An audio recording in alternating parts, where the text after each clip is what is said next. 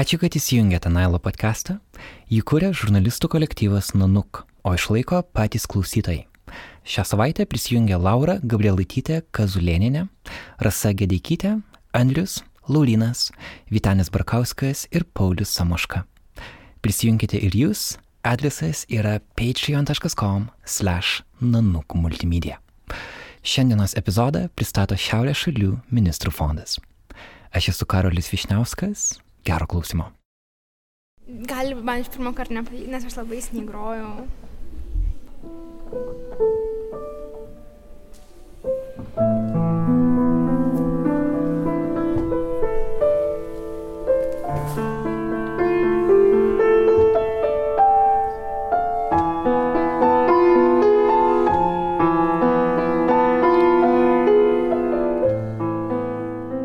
Kaip manot, jūs geriau žinot, sakykime, galėtumėte papasakot, kas darosi pasaulyje ir galėtumėte papasakot, kas darosi Lietuvos, pavyzdžiui, politinė scena? Pasaulį. Dabar net iš. Instagram istorijų gali Instagram. suprasti, kas vyksta Mm. pasaulyje.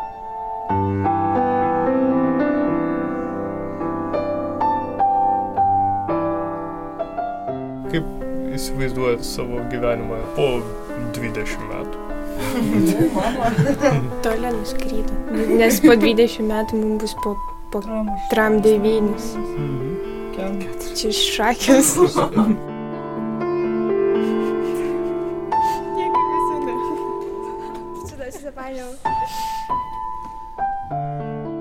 Kaip pasaulį mato 20-ojo amžiaus neregėjęs, suaugęs žmogus? Koks jis? Lietuvoje ir kitose Baltijos šalyse užaugęs naujas pilietis gimęs po 2000 metų. Ilgą laiką, kalbant apie mūsų regioną, kalbėta apie postsovietinį žmogų. Bet dabar jau atėjo laikas tirti tai, ką galėtume pavadinti post-postsovietiniu žmogumi, jeigu Sovietų sąjungos griūtį vis dar laikysime kaip atspirties tašką.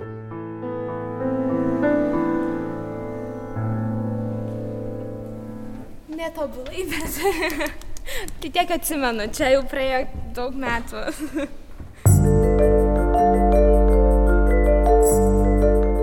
Dabartiniai 18-mečiai ir 19-mečiai šiemet baigę mokyklas jau užaugo Sąjungoje.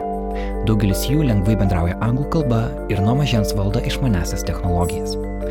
Kitų metų Seimo rinkimai bus pirmieji, kai daugelis jų galės balsuoti, o 2024 prezidento rinkimuose po 2000 gimusių balsuoti galinčių žmonių jau bus beveik 200 tūkstančių. Lietuvoje jie taps svarbia politinė gale. Tad verta pamėginti suprasti, kaip politinės, socialinės bei kultūrinės problemas šį kartą mato. Šiandienos epizode kviesime jūs išgirsti penkių jaunų žmonių pokalbį. Jie visi yra iš Visagino ir savo studijas ką tik pradėjo Vilniuje. Kviečiame su jais susipažinti. Mano vardas Gustas. Į Vilnių atvažiavau studijuoti grafinį dizainą Vilniaus dizaino kolegijoje. Aš gyvenu dabar Vilniuje naujamestį ir Vilniuje naujamestis yra mano mėgstamiausia vieta. Ten architektūra ir, ir net patys žmonės labai išsiskiria nuo senamišio Vilnius. Tai aš esu Melita. Į Vilnių atvažiavau studijuoti tartautinius santykius ir politikos mokslus Vilniaus universitete. Jokauju, kad aš tokia pasklydus menininkė. Tai tą savo vidinį menininką džiuginu šį vakarais eidama į Bernardinų sodą, klausydama The National ir taip susipažindama su Vilnium pamažu ir, ir man labai pasiekė, nes gyvenu senamesti. Aš esu Paulina, stojau į Vilniaus universitetą, finansų ir draudimo matematiką. Labai man pasisekė prisitaikyti prie tų visų žmonių, kurie mane supa. Mintis viskas sutampa, labai lengva bendrauti. Tas Vilniaus ritmas, tas greitumas, visas nesidėjimas vietoje turi savo žavesio. Atrodo, Vilnius yra toks galimybių miestas, tu gali labiau atsiverti Vilniui. Tavęs nekausto tai, kad tave kiekvienas ant kampo žmogus pažįsta. Aš esu Žedūnė, atvažiavau į Vilnių studijuoti, tačiau mečiau mokslą po dviejų savaičių, nes dirbu mėgstamą darbą, darau tatuiruotis. Tai esu Aleksandra, Vilniaus universitete gyvybės mokslų centre studijuoju genetiką. Gyvenu lasdynose pas tetą, tai tenka kiekvieną dieną valandą keliauti iki Saulėtikio. Kol kas su Vilnium gal netaip susidraugavom, dar kol kas, bet kai manęs paklausė kas nors kaip Vilniui, kaip mokslai, tai aš iki šiol kol kas dar ne, nesusipratau, kad čia vat, jau aš gyvenu tam Vilniui, čia jau tas naujas etapas kaip ir prasidėjo. Dar kol kas atrodo, kad čia viskas toks lai, laikinas, neilgas laikotarpis, tai kažkaip taip. Su pašnekovais kalbasi Nanukė Kurė, žurnalistas Artūras Morozovas ir antropologas Kauno technologijų universiteto tyrėjas Arvidas Grįšinas. Šis susitikimas yra tik pati pradžia didesnio jų vykdomo projekto pavadinimu Post Post Soviet. Analogiškas pokalbis įvyko ir Rygoje su penkiais jaunuoliais ten, kalbantis rusų kalba. Ta epizodą jau galite išgirsti rusiškoje Nailo podcast'o versijoje. Dabar daliname su jumis pokalbių su visaginiečiais įrašytų Vilniuje Martino Mažvilio bibliotekoje šį rugsėjį. Pokalbis buvo redaguotas dėl aiškumo ir trumpumo. Epizodo pabaigoje išgirsite Artūro ir Arvido refleksiją apie tai, ką girdėjome. Diskusiją pradėjome nuo kalbinio klausimo. Visi pokalbio dalyviai kalba lietuviškai, bet jie užaugo mieste, kuriame rusų kalba yra lygia vertė ir dažnai netgi svarbesnė. Norėtųsi tada paklausti apie tos kalbinius dalykus, kaip jums skirtumas tarp Visagino ir, ir, ir Vilniaus, nes Vilniuje irgi nemažai rusakalbių. Jo, bet galiu pasakyti, man kažkaip negirdėjau dar. Ta prasme, jo, bent jau mano aplinkoje, tiek kur aš būnu, kur aš žinau, tai jo, visi lietuviškai taip atrodo šneka. Kažkaip maloniau atrodo ausiai. Bet, bet aš manau, kad jie čia gal jau daugiau lietuviškai moka kalbėti. Mm. Nes visaginė jie tiesiog nekalba lietuviškai, nes jie nemoka. nemoka. Nes ir jie nesistengia. Irgi skirtumas labai atėjus visai į parduotuvės, tai rusiškai kalbės, o čia jau automatiškai lietuviškai. Tai irgi pastebėjimas. Ir kaip jūs dėl to jaučiatės? Man tai asmeniškai maloniau yra, nežinau, kažkaip. Atrodo, man lygiai tas pats būdavo, kai savaitgaliais išvažiuodavau pas mačiutę jūteną. Nu irgi visur vaikštai, visi lietuviškai šneka ir taip malonu, atrodo, pailsi nuo tos užsienio kalbos. Tai dabar atrodo, kai taip pat dabar bus kaip ir atvirkščiai, kad savaitės dienom girdės lietuvių kalbą, o savaitgalis ta rusų kalba. Tai nežinau, man tai asmeniškai, man tai kažkaip yra fainiau. Vis tiek kalbu. Jos, jauties labiau savas toje aplinkoje. Mhm. Visaginė pramokot rusų kalbą? Ja. Ja. Visi, jo, turbūt išmokot. Kažkiek. Nu, aš tai Rusija, tai Jo. O tai kaip tau, čia Vilniui, tuo klausimu? Man tai gerai, nu aš kai suprantu, tai aš ne, nejaučiu kažkokio di diskomforto, esu labai dėkinga tevam, kad jie atidavė mane vis dėlto į lietuvišką darželį, o vėliau ir į lietuvišką mokyklą. Mhm. Nes aš taip, jeigu, pavyzdžiui, pasižiūrėt mūsų mieste, kad kai kurie žmonės, nu, tikrai daug ką praranda nemokėdami, nu, ta prasme, arba prastai mokėdami tą lietuvių kalbą, tai nežinau, man tai čia gerai. O dar papasakok, labai įdomu, kad suprast visaginę, sakykime, rusakalbius, be audit, rusakalbę bendruomenės dalį ir lietuvę kalbę. Ar yra skirtumai kažkokie, nežinau, vat, pavyzdžiui, jūs bendraujate ten labiau, vat, jūsų ratas labiau visilijus lietuviškai kalba. Ar yra kažkoks tas paskirstimas, kad rusakalbiai, sakykime, su rusakalbiais, lietuvė kalbės? Jo, iš tikrųjų, nes dabar kaip pagalvoju, tai nu, mano bent jau draugų rate nu, lietuviai. Gal, nu, nebent vien, viena kita išimtis yra. Kažkaip gal nėra kas labai suvienytų, jeigu tu ten ne- neini į kažkokius burelius ypatingai ir dar kažką, kažkaip retai kada kažkas bendro tokio atsiranda, nežinau kodėl, bet kažkaip noriu dar pasakyti, kad e, apskritai man kažkaip jaučiu skirtumą tarp lietuvių ir rusų jaunimo. Kažkaip aš visą laiką sakau, kad man atrodo, kad rusai labiau moka džiaugtis gyvenimu ir atsipalaiduoti ir ten, um, va tie mano pažįstami e, rusai visaginiečiai, kurie, tai aš visą laiką ten žiūriu Instagram'e, ten jie susigalvoja, skrenda į Amsterdamą ir ten būna ten kažką, arba tenais tam pačiam visagine e, pasidaro savo kažkokius ten vakarėlius, susigalvoja ir persirenginėja ir ten, ir šiaip, nežinau, kaip mieste sutinki, kažkaip jie man visą laiką atrodo tokie um, labiau galvojantis gal apie tai, kaip rengiasi, apie tai, kaip pasilinksminti ir visą kitą. Nežinau, man atrodo, kad lietuviai kažkaip gal šiek tiek um, kuk kukliau kažkaip, nežinau. Man Mm. kažkada, man kažkada trojkoje pasakojo vienas vaikinas, Trojka yra vienintelis visagine veikiantis naktinis klubas. Kad būdavo netgi konfliktai tarp vakarėliuose, kaip pabalevoja, kad tarp, tarp, sakykime, tarp lietuvių ir rusakalbių. Bu, yra kažkokių konfliktinių tokių aštrių, nežinau, klausimų, kurių vengit arba netgi situacijų. Mm, nu, aš kiek asmeniškai pastebėjau, kiek esu susidūrus tos skirtingos kompanijos, tai kažkaip atrodo net nekonfliktuoja, nes jeigu mes kad ir sėdim to pačioje vietoje, nu, tai tiesiog, jeigu tu nepažįsti žmogus, tu prie ir neini. Ir atrodo tiesiog būna du atskiri pasauliai tų kompanijų ir viskas. Tai tie konfliktai turbūt kaip ir jau išnyko. Išaugom. Mhm, aš irgi norėjau pasakyti, kad jie pasiliko kartu su tarp mokykliniam varžybom, jo. krepšinio, šeštų, penktų kokių klasių ir ten futbolo. Ten aš prisimenu dar ir dabar kažkaip, kad sėdi, žiūri, kaip ten žaidžia, tarkim, e, nežinau, kita, kita mokykla rusų ir lietuvių. Tai Ir ten- lietuvių. ir- Ir konkurencija tokia. Ir dar tarp savų taip pat būna, tarp tų pačių lietuviškų mokyklų. Nu, jeigu dvi lietuviškos, jeigu dvi lietuviškos, tai iš situacija. kur savo eisi. Bet jeigu, pavyzdžiui, kita lietuviška žaidžia su rusiška, tai iš kur sirgsi už lietuvišką. Nu, Taip, taip. Jėzus Marija. Apskritai patyčia, sakykime, mm Mhm. -hmm. ar mokyklą, jeigu pastebite, ar ne, apskritai miesto šitame, ar yra kažkokie, nežinau, anegdotai, kažkokie, vat, jokeliai pagal kal, kalbiškumą, pagal etni- etniškumą. Pagrindinis dalykas, tas varimas gal toks pat, gal iš lietuvių pusės gal yra dėl kalbos, kad, tipo, what the fuck, seniai, jūs taip ilgai Gimta gyvenat kalba. Ir jūs nemokat lietuviškai, nu, tipo, nesąmonė. Mhm. Tai O va, jie čia, iš kitos pusės pradeda kalbėti, kad mes turėtume mokėti, kad nes jie visi moka. jie-. Čia. Ir reikia automatiškai visi turėtų mokėti. Tai čia jūsų kraštas. Na, nors Visaginas šiaip toks kaip miestas, tai jis toks, man Kitas atrodo, pasaulis. geras modelis yra, kaip gali visos tos tautybės ir kalbos sugyventi, nes bet net mes ieškom kažkokių čia konfliktinių, sakykime, situacijų ir jas sunku atrasti. Iš tikrųjų, žmonės, nu, taip gana darnoji, atrodo, visi gyvena. Tas džiugu. Bet kažkam reikia prisitaikyti. Tie, kurie rusakalbiai, kai daug, dauguma jų nemoka lietuviškai, o dažniausiai tie, kurie jau gimė lietuviškas išmėse, kur lietuviškai bendrauja ir jie tada jau automatiškai mokosi rusų kalbą, kad galėtų sugyventi. Galėtų prisitaikyti. Atvirkščiai nevyksta dažniausiai. Jo, čia tas tas Kas labai geras, kur tu net nemastai, kad tu turi galimybę kalbėti poliklinikoje lietuviškai. Tu net nekvestionuoji to dalyko, nes Tavęs tu eini ir, ir kalbi rusiškai. Ir nu, gal dėl to, kad nėra ten vilties.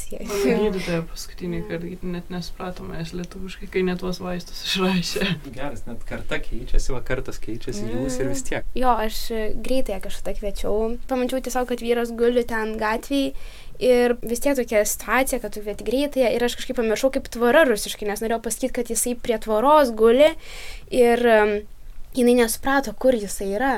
Ir aš pagalvojau, jeigu ten mano artimam žmogui kažkokiam arba man būtų ir aš negalėčiau paaiškinti rusiškai, tai man net važiuotų greitoji pas mane. Smagu. Jo, čia toks liūdnesnis.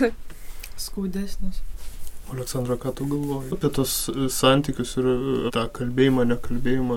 Nu, nežinau, aš tai, ne, nu, asmeniškai aš nepalaikau tų žmonių, kurie yra rusai ir kurie va taip va, nu, tarsi specialiai nenori kalbėti lietuviškai, nes aš nu, vis dėlto palaikau tą, kad jeigu tu gyveni čia, tai tu turi mokėti. Ir aš Mhm. labai džiaugiuosi, kad aš moku. Bet vis dėlto bandau išlaikyti tokį neutralitetą, tarp jeigu pra, pra, prasideda kažkoks tas toks atsiskyrimas, tai aš bandau kažkaip nu, ne, nesigilinti. Ta man gerai, aš moku lietuviškai, aš prisitaiku, man ir ten, ir ten gerai, tai va. Jeigu jau kažkam kažkas nepatinka, tai čia jau ne mano problemos. O dažnai kyla tokių įtampų. Nu, vat mano tėtis, man tik visada atrodo, kad jis kažkaip gal, gal yra nusistatęs, gal prieš, bet aš žinau, kad jis, nu gerai, nekalba lietuviškai, bet jis tikrai supranta. Ir jis visada, kai, pavyzdžiui, jis žiūri, jeigu kažkokias lietuviškas laidas, tai jis visada manęs paklausė, ką, ką tas arenas žodis reiškia. Tai aš visada jam pa, pa, pa, pa, bandau išverst. Mhm. Tai nežinau, nu, ta prasme, mano mama tai moka liet, lietuviškai, aišku, nelabai gerai, bet, bet moka ir, ir sus, susikalba, jeigu reikia. Tai... O kodėl tave nusprendė leisti, ne į rusakalbę mokyklą, bet į lietuvių? Aš, aš iš tikrųjų nežinau, nu, į darželį kodėl tai tikrai nežinau, o į mokyklą tai tikriausiai dėl to, kad buvo liet, buvau lietuviškam darželį. Ir sugalvoju, kad čia manęs nemėtyt po kalbų skirtumą tokį, tuo labiau, kai, kad sakė, kad va, nu, nuvedė mane į darželį, aš jau po dviejų savaičių ten lietuviškai gerai kalbėjau, kažką tokio, amžinai man pasakoja, tai nežinau, ar tikėt ar ne. Nors, kiek žinau, tėtis turėjo pažįstamą mokytoją iš rusų mokyklos, kuri kvietė, kad mane atiduotų tenai, bet nepasidarė. Aš dar būdamas visaginę pastebėjau, ypač pastaruoju metu nemažai uniformą karinę vilkinčių jaunų žmonių. Bet sakot irgi, kad gal pasikariuomenį išėjo. Ar žinot, pažįstat, nežinau, draugus, kažkokių bendraklasių? Klasiokų trys išėjo. Jeigu nedaugiau. Bet ir šiaip visai dabar populiarėja tas šaulių purelis, man Šauliai, atrodo. jo. Mhm. šauliai tie. Tai nežinau, gal, čia dėl to O taip yra. įdomu, vat, gal pažįstat kažką, kas iš rusakalbės šeimos į Lietuvos kariuomenę išėjo. Viktoras šiaip Jo. kalbės Mhm. iš šeimos irgi klasiokas. Bet jis jau yra toks užsidegęs jau patriotas. Jo, visiškas. Man tai įdo- įdomus dar klausimas, man atrodo, va, kas, ką klausiau jūs ir visą gynę, kas vad skiria truputį mūsų vis kartas gal, tai žmogaus teisų klausimai, kur kažkaip man atrodo, kad jūs kiek pasakodavo, tai man nu, visiškai nerealu, kaip va, dabar va, jaunas žmogus, kiek daug visko rūpinasi. Ekologija rūpinasi, lyčių lygybė rūpinasi. Man tai bent susidarė įspūdis, kad galbūt nežinot Lietuvos politikos scenos gerai, kol kas. bet, bet, bet puikiai rūpinatės, nežinau, sakau, ekologija, plastikų, žmogus teisės, tas visiškai, man atrodo, yra nerealu. Kas jums atrūpi šiandien, šią dieną, vat, iš, iš tų klausimų apie žmogaus teisų, laisvių, suvaržymų, kažkokio klausimo? Um, žiūrėjau tą Years and Years serialą HBO, ten buvo taip paliesta labai pabėgėlių tema. Ir aš supratau, kad aš nieko nežinau apie pabėgėlius, kad jie yra apipinti stereotipais kažkokiais ir kad man tai labai įdomu.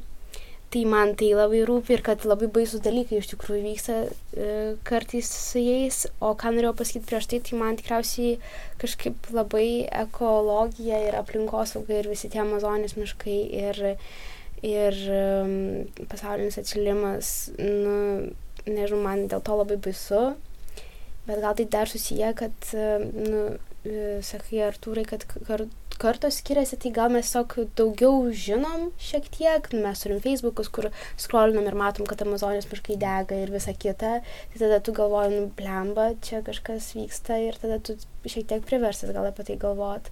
Ir madinga šiek tiek jau tas toksai ir, ir ten 10 procentų nuolaidą kavų, jeigu tu atsineši savo padelį ir visą kitą, tai nu, man atrodo, kad gal su tuo dar šiek tiek susiję, bet jo, man labai, mane labai neramina pasaulinis atšilimas ir vis tie dalykai.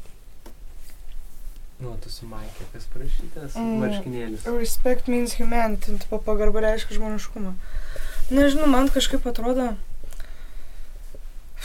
kaip čia pasakyti, na taip, Melita sakė, ekologija nu, irgi yra labai svarbu. Nu, iš tikrųjų labai svarbu.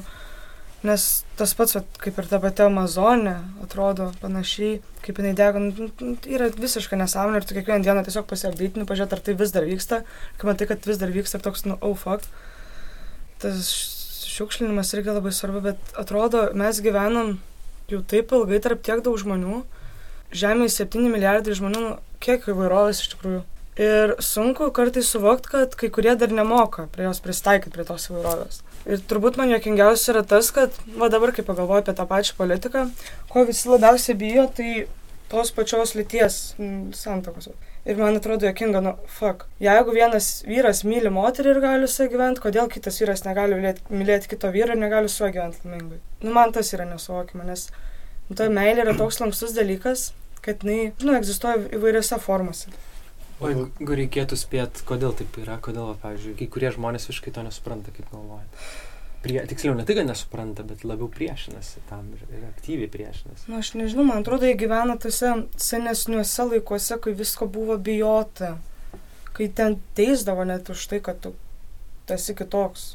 Nežinau, gal jie dar dabar bijo, gal bijo išlipti iš tų senų batų, tų nunešiotų, sakau, taip galima pasakyti, tos nuomonės. Turbūt gal vien tik tą baimę remiasi, aš nežinau. Arba jie bijo būti atstumti dėl to kitų žmonių, kad jie remia tuos irgi kitokius. Čia jeigu neklistų Rusijoje dabar tos buvo Rusijoje tai iš viso yra nesąmonės, ten į, nelegalu vaikams sakyti, kad egzistuoja homoseksualus asmenys. Na čia man iš tikrųjų yra taip juokinga. Ir Nu, čia, nes čia fuck, nesiniai nu. buvo, kur visi dalino iš to Who's Next, Jo. Mhm. kur ten, man atrodo, tiesiog irgi žmonės. Persikė. Persekioja kurie yra- tuos, kurie jo. palaiko. Ir vieną nužudė kažkokią moterį. Jo, moterį. Čia tai iš viso yra kosmosas, tu prasme, man bent. Man tai labai juokinga, kai senesni žmonės galvoja, nu, ta prasme, nesenesni, bet, nu, pavyzdžiui, ku- kurie šiek tiek vyresni ir, pavyzdžiui, turi vaikus, kurie labai bijo už savo vaikus, kad jeigu jų vaikai pamatys, pavyzdžiui, vienos tos pačios lyties porą, nu, pavyzdžiui, vyrą ir vyrą, ir jie rimtai galvoja, kad jų vaikas pamatęs va tokią porą sugalvos, kad eik tu savo, mylėt vaikiną yra fainiau nei, nei mergina ir ta prasme čia taip juokinga. Arba lygiai tas pats, kad neleidžia įsivaikinti irgi Mhm. homoseksualam. Jeigu jau du, pavyzdžiui, ho- homoseksualus vyrai augina sūnų, tai jau ir jų sūnus paskėjus. Nu, nesąmonė.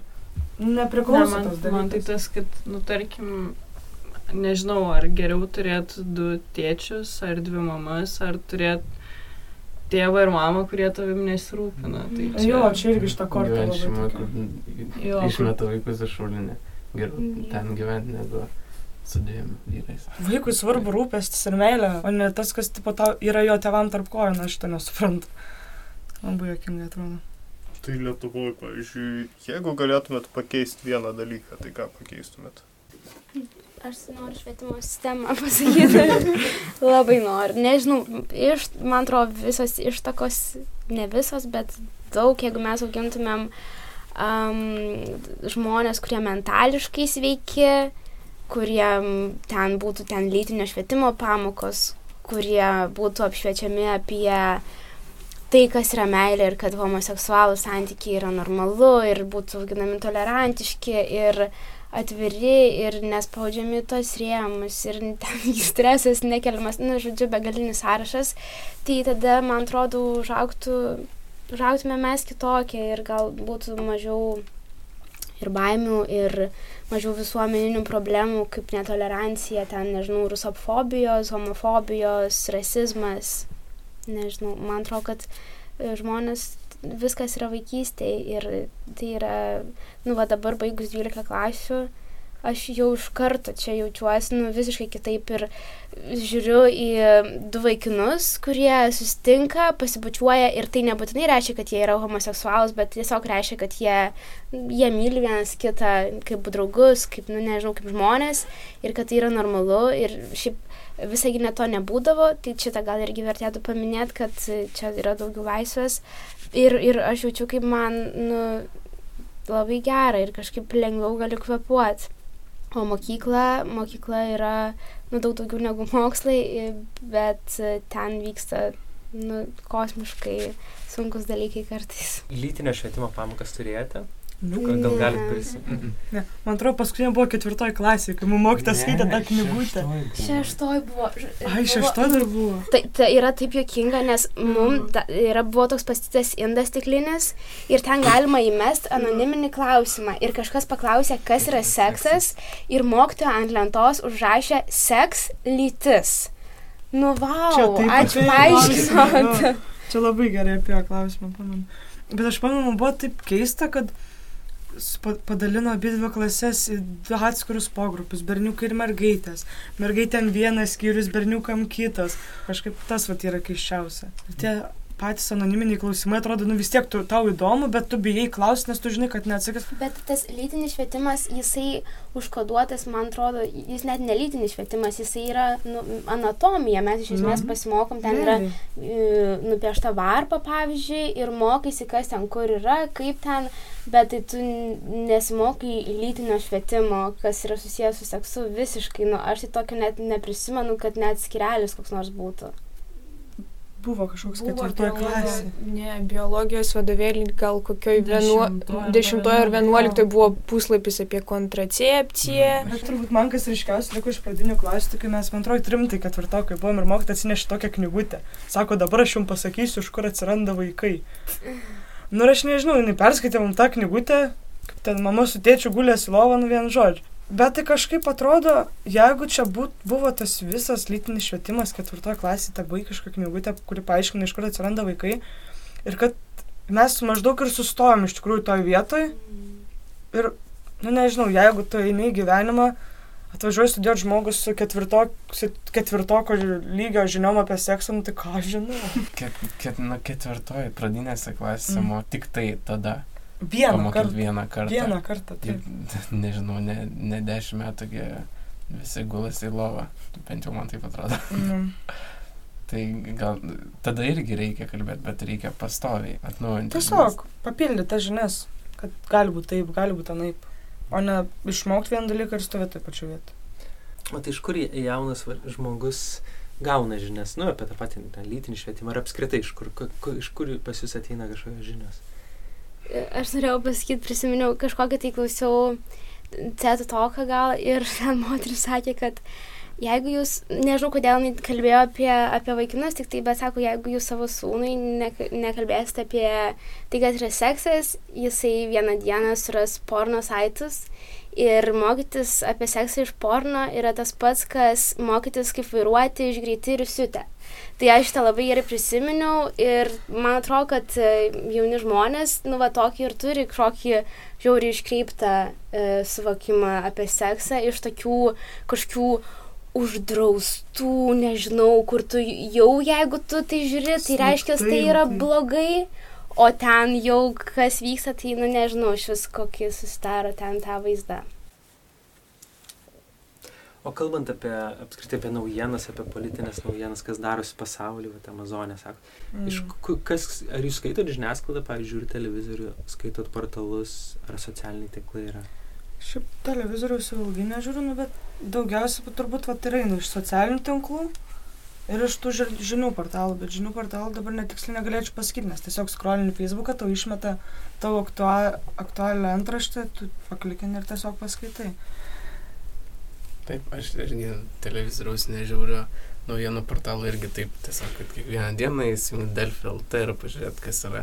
Irgi taip, ne, Dabar net Ir iš. Instagramo istorijų gali suprasti, kas vyksta pasaulyje. Nu, kad kažkas iš tokių populiaresnių žmonių Nu, iš- pasidalina kažkuo, nes turi kažkokią platesnę auditoriją, nori pasidalinti tą problemą apie tas pačias šiukšlės, apie ten gyvūnų, gyvūnus cirkuose viso, visokiuose, kur ten bū- būna kažkas paviešina kokį video, kur cirkė ten kokiam tigrui epilepsijos priepolis ir jį ten už uodegos ištempia kur nors ir prie visų vaikų, tai va, iš, iš tokių dalykų. Dažniausiai anksčiau tai pamatom. Nes pamatom ir paskui kitą dieną arba po kelių valandų tik tada atsiranda antraštė, kad kažkas įvyko. Tai jeigu iš užsienio naujienų, tai dažniausiai galima pamatyti anksčiau per socialinius tinklus. O kaip manot, jūs geriau žinot, sakykime, galėtumėt papasakot, kas darosi pasaulyje ir galėtumėt papasakot, kas darosi Lietuvos, pavyzdžiui, politiniai scenai. Pasaulį, man atrodo. O Lietuvos, sakykime, politika, Seimo vyriausybės darbas. E, kažkiek žinot, ar jūs domina ar ne, ar ne, tiesiog tai yra tolima tema, kuri. Jeigu, nu, matau, kai iš veidų, kad labai domina, tai o kodėl, kas, kas trukdo, sakykim, kas atstumia, sustabdo tam tą domėjimas? Nu, atrodo, kad ir domina, bet vėliau tu baigi domėtis, kad nu ten nieko nevyksta. Nieko naujo. Nu, ta prasme, jie atrodo, pradeda kažką tai naujo daryti, bet iškart kas nors nutraukia ir atrodo viskas taip pasaka be galo tokia vyksta. Ir atrodo, nu, ten kol neįvyks kokių nors ryškių pokyčių, nu, tai taip ir stovėsim vienu vietu. Aš man atrodo, skaičiau gal maldykėnis ar, ar, ar šimonytės kažkur tai komentavo apie Seimo darbą, kaip pas mus Lietuvoje labai daug priema įstatymų visų šitų ir ten nežinau, kiek vienam įstatymui gal ten paskaičiavęs išina penkias minutės ar kiek, tai galima ir pagalvoti, koks ten darbas vyksta, jeigu taip greitai tiesiog kaip šablonai, taip tiesiog eina sp- iš spausdintuvo, tokie Įmam. vis, e, visi įstatymai ir pataisos.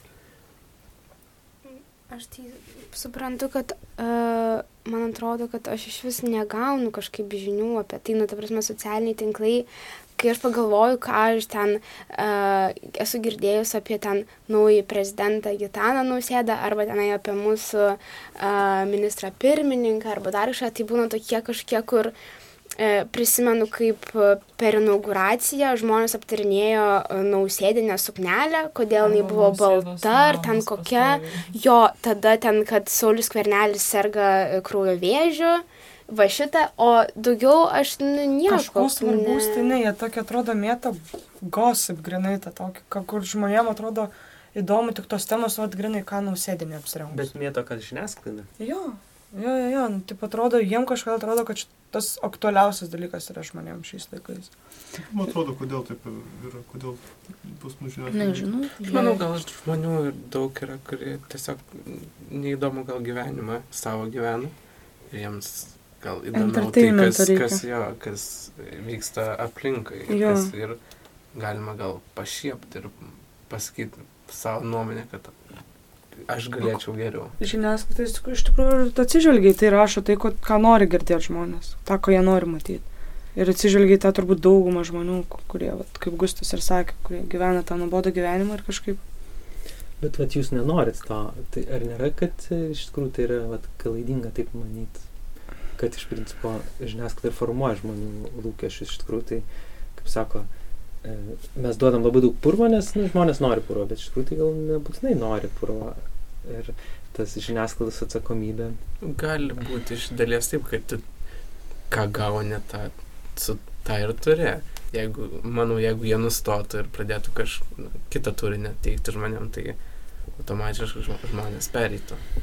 O kokių temų pasigendat, sakykim, Lietuvo žiniasklaidai taip nu- nušviečiant?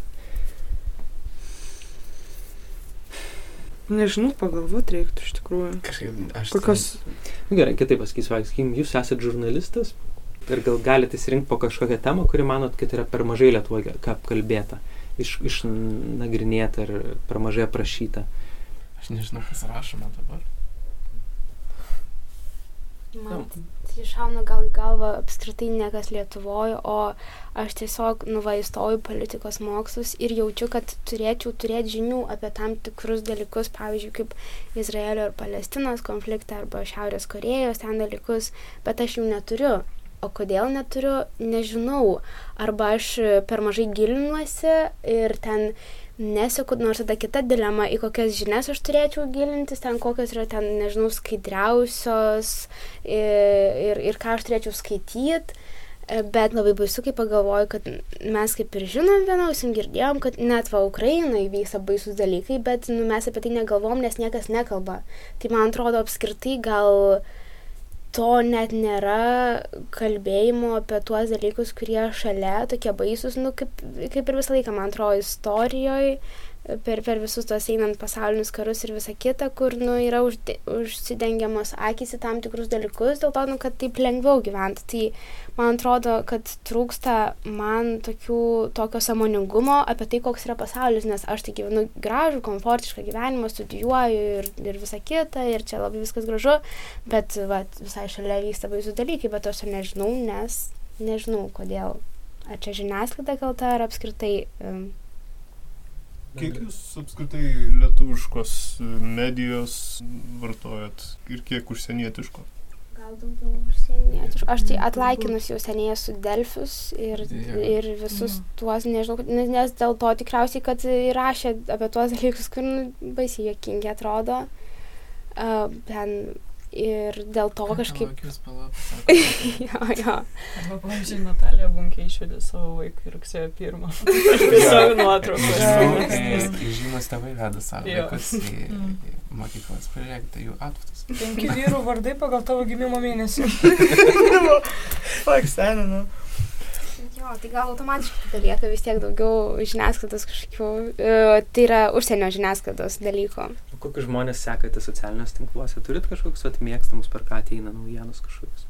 Turbūt ne vienas yra toks. Mm. Nei vieno tokio Ne, nesiriu. Nei vieno to vadinamo influencerio. Jo. Tipo, net Real life influencer. Jo. Visi tokie paviršiai. Jo. Dabar mes tikriausiai kaip tokia Z karta, kai dabar visi mimai viskas.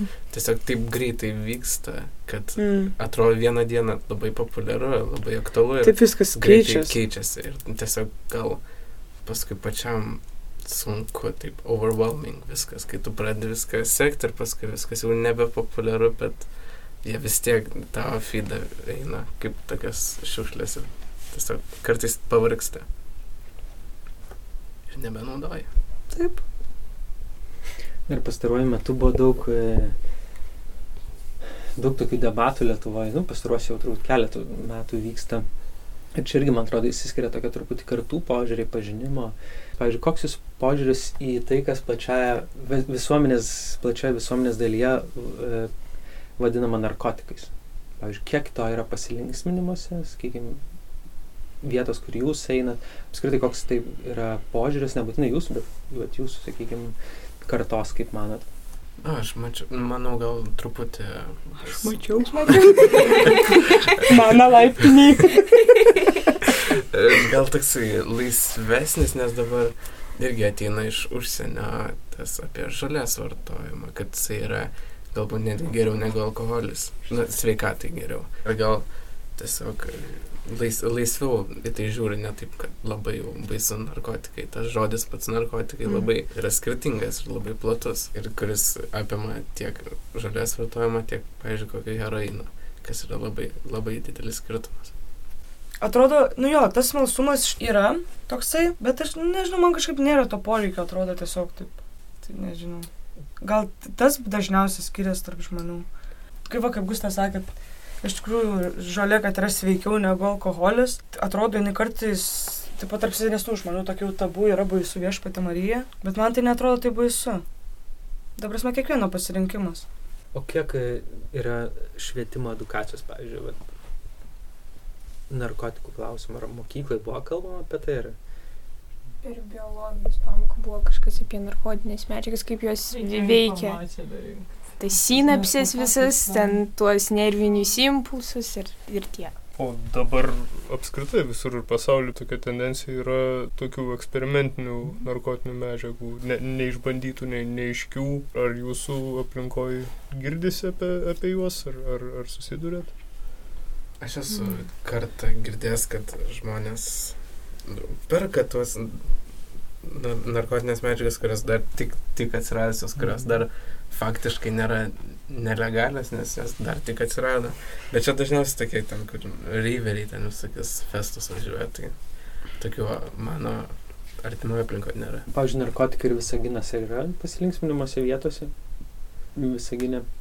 Manau, taip. Nu, viešoje aplinkoje. Viešoje aplinkoje ne, bet tose, kai būna tarp savų tėtus, tenais tai jo, tenais tai būna, manau gal dar pabaigai dabar įžengėte į suaugusių pasaulį. Kaip įsivaizduojate savo gyvenimą po 20 metų? Toli nuskrydo. Nes po 20 metų mums bus po, po tram 9. Mhm. Čia šakės. Man atrodo, kad mums yra taip sunku atsakyti iš tą klausimą, nes viskas taip greitai keičiasi šiais laikais. Ir nu, mes neįsivaizduojam, kur pasituks mūsų gyvenimai visiškai. Ar tas ne, nežinojimas išlaisvina, ar, ar, ar gazdina? Nu, mane asmeniškai tai ir gazdina. Nes aš mėgstu viską žinot, kaip kas turi būti. Tas mhm. toksai, aišku, asmeniškai tai aš tikrai norėčiau pasilikti Lietuvoje. Bet atrodo, tas pasaulis yra antiek platus, kai esi jaunas, nori visą jį apriepti, kuo daugiau iš jo paimti, kiek jis tau duoda. Ir bei nepasinaudotam galimybėm, tai nežinau, iš tikrųjų nieko negaliu pasakyti atrodo faina būtų turėti ir tą, tą pačią šeimą, bet faina būtų ir išvažiuoti tiesiog metam ar dviem po pasaulį visą pakeliauti. Nes atrodo, tas šeimos tas faktas irgi sukausto, kai tu esi atsakingas ne tik už save. Matas iš tavo koležų. Šį pokalbį pratesti kviečiame mūsų internetinėje svetainėje naila.lt, nila.lt Ten pamatysite koležus, kuriuos kiekvienas dalyvis darė prieš diskusiją. Jie buvo paprašyti savo dabartinę būseną išreikšti ne savo pačių žodžiais, o žodžiais paimtais iš įvairių žurnalų. Ir taip suteikiant tom žurnalų antraštėms ir nuotraukoms naujas prasmes. NailLT galite rasti šios koležus ir po kiekvienų jų galite perklausyti, ką kiekvienas iš dalyvių norėjo tuo pasakyti. O dabar Arturo Morozovo ir Arvido Glišino mintys apie tai, ką jie išgirdo diskusijoje ir koležų kūrimo procese. Prieš tris metus aš su rusų žurnalistu keliavau po Baltijos šalis pasakoti apie tai, kaip šis regionas gyvena, kuo gyvena ir, ir pamenu, mes sustojom daugpilį, praleidom ten tris dienas ir bevaikštinėjant gatvėje mus užkalbino vietinis jaunimas, kurie toks gana agresyvokas, e, mano kolegai rusų žurnalistų, kuris buvo ilgais plaukais, užmetė keletą replikų e, ir taip kažkaip pats nustebo, sako, žinai, aš net Rusijoje tokių nebematau jaunų žmonių, kaip tipo, va čia tokie tarsi gopnikai, toks yra toks terminas. Ir aš pradėjau su tais jaunimu kalbėti ir buvau nustebęs visiškai, kokioj izolacijoje gali jaunas žmogus gyventi šiais interneto laikais. Tai yra tai tikrai kaip vat, su visa pagarba kažkam, sakykime, babutėm tom, kur kiemuose sėdi, tik tai va čia kurios tiki konspiracijos kažkam galbūt teorijom kažkaip. Tai va tas jaunimas toks pats, tik turi daug energijos ir šiek tiek agresijos. Ir tada man buvo labai įdomi pažintis su jais ir sėdė į mašiną, mes atvažiavom į Rygą.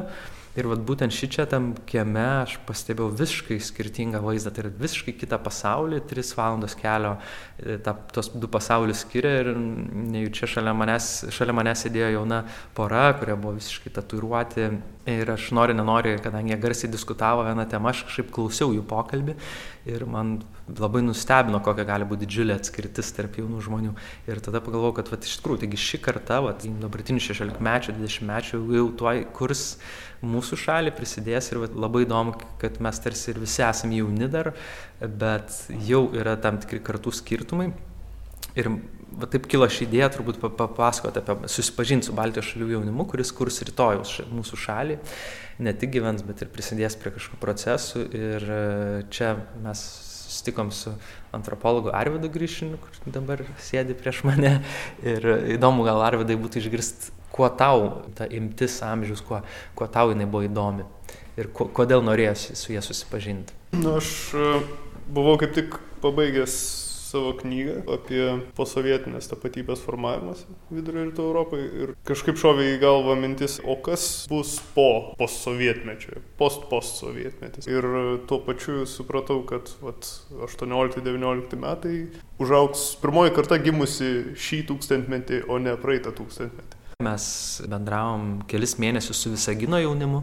E, tai teko labai ypatingas laikas pažinti, sakykime, vat, tą jauną žmogų, e, nes kaip tik vyko lūžiai didžiuliai jo gyvenime, tai yra mes su jais kalbėjom prieš brandos egzaminus, per brandos egzaminus ir vat, pokalbis vyko visai neseniai jau jam atvažiavus, sakykime, iš Visagino į Vilnių, į naują miestą, iš principo tai yra lūžis į savarankiško gyvenimo pradžią ir labai įdomu matyti taip pat jauno žmogaus um, vidinius virsmus, realiai virsmą į suaugusių žmogų. Aš pats dirbdamas tokiam socialiniam temam, nagrinėdamas, sakykime, tam tikras bendruomenės arba socialinės netgi tam tikrus skerspijus darant, aš labai dažnai pajaučiu ir sudvėjoju žurnalizmo tuo formatu, tai yra tom galimybėm ir įprastais metodais, kuriais mes dirbam.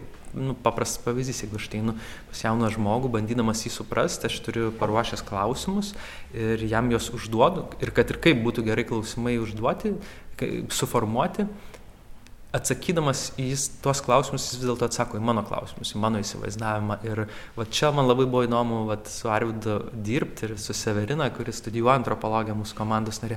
Tai yra pamatyti, kaip moksliškais metodais, va, būtent kokios tos metodologijos yra teisingos, kurios geba tirti, bet neprimes, sakykime, tavo įsivaizdavimą ir neužstrikti jame.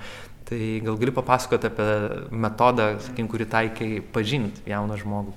Mūsų siekis buvo kažkaip paskatinti juos pačius užduoti temas, kurios jiem aktualios ir to pasiekti mes stengiamės, leidžiant jiem nebūtinai išartikuliuoti tas problemas, bet e, papasakot apie jas per per save, per savo autoportretą, per savo patirtis. Ir vienas iš tų būdų buvo iš žurnalo iškarpų montuojamas koležas, e, kuris galėtų būti maždaug kaip vizitinė kortelė jų, kaip jie prisistato ir taipogi naudojom jų darytas fotografijas, dažniausiai autoportretus, bet kartu ir savo aplinkos fiksacijas. Ir iš viso to bandėm sintetinti klausimus, problematikas, kurios mums svarbios. Aišku, neišvengiam tų primestinių temų, ten kalbinių pagrindų konfliktų arba panašiai, kurie, nu, kurie iš jų kalbų iškildavo, bet mes ir truputėlį ir laukiam tos diskusijos. Bet iš principo tai būdas ir, ir pastanga buvo e, remiantis jų pačių perspektyvą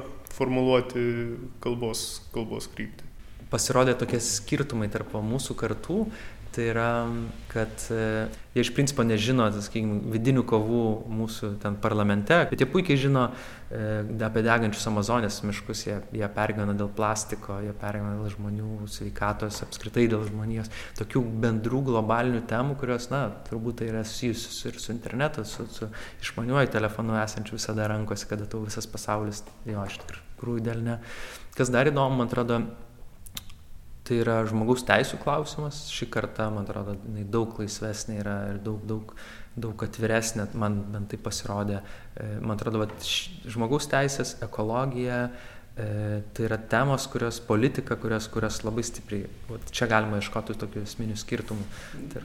Bet čia tai, kas trendina internete irgi. Tik tai man tas įdomu su žmogaus teisėm ir visom tom temom, kad jiem tai yra savame suprantama kalba. Tai yra, jie, jie tą kalbą naudoja nu, visiškai, nu, visiškai natūraliai. Jeigu lyginant vėl su, su mūsų karta, mums tai buvo naujovės, naujadarai, nauji žodžiai, nauji e, terminai, kurie, nu, kuriuos visai taip šaunu mėgt arba jų nemėgt, tu, reiškia, į, į juos kažkaip reaguoji, tu turi poziciją to klausimu.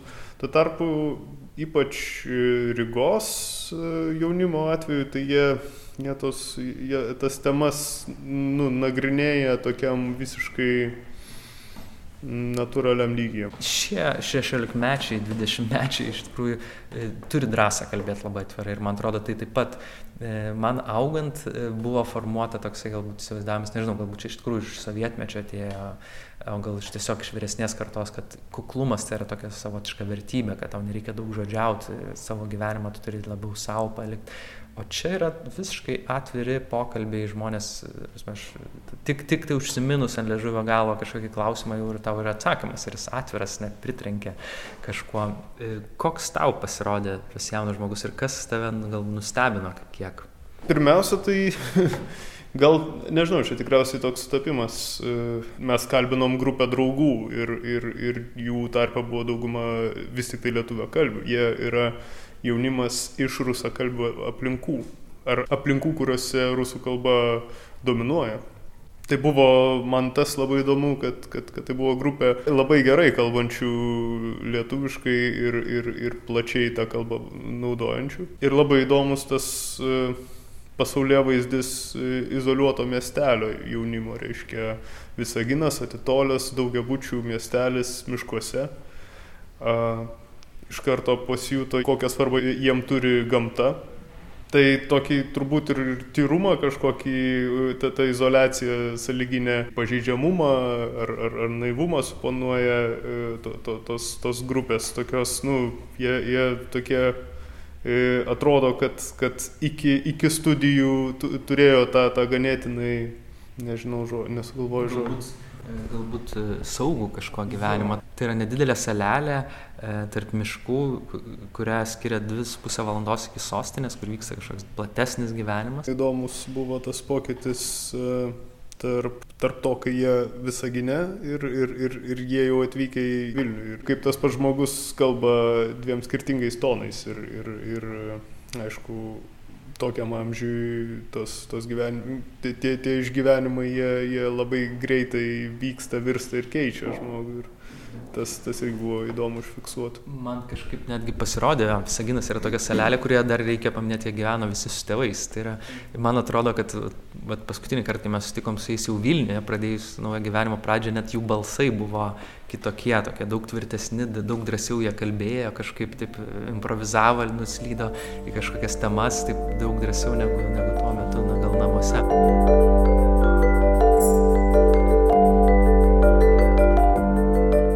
Toks mūsų epizodas šiandien. Ačiū, kad buvote kartu. Primenu, kad tai yra pirmoji projekto Post Post Soviet dalis. Analogiškas pokalbis su jaunuoliais Rygoje pasirodė rusiškoje Nailo versijoje, o vėliau projekte Artūras su Arvidu kitaip bandys užfiksuoti jaunų žmonių patirtis Lietuvoje, Latvijoje ir Estijoje.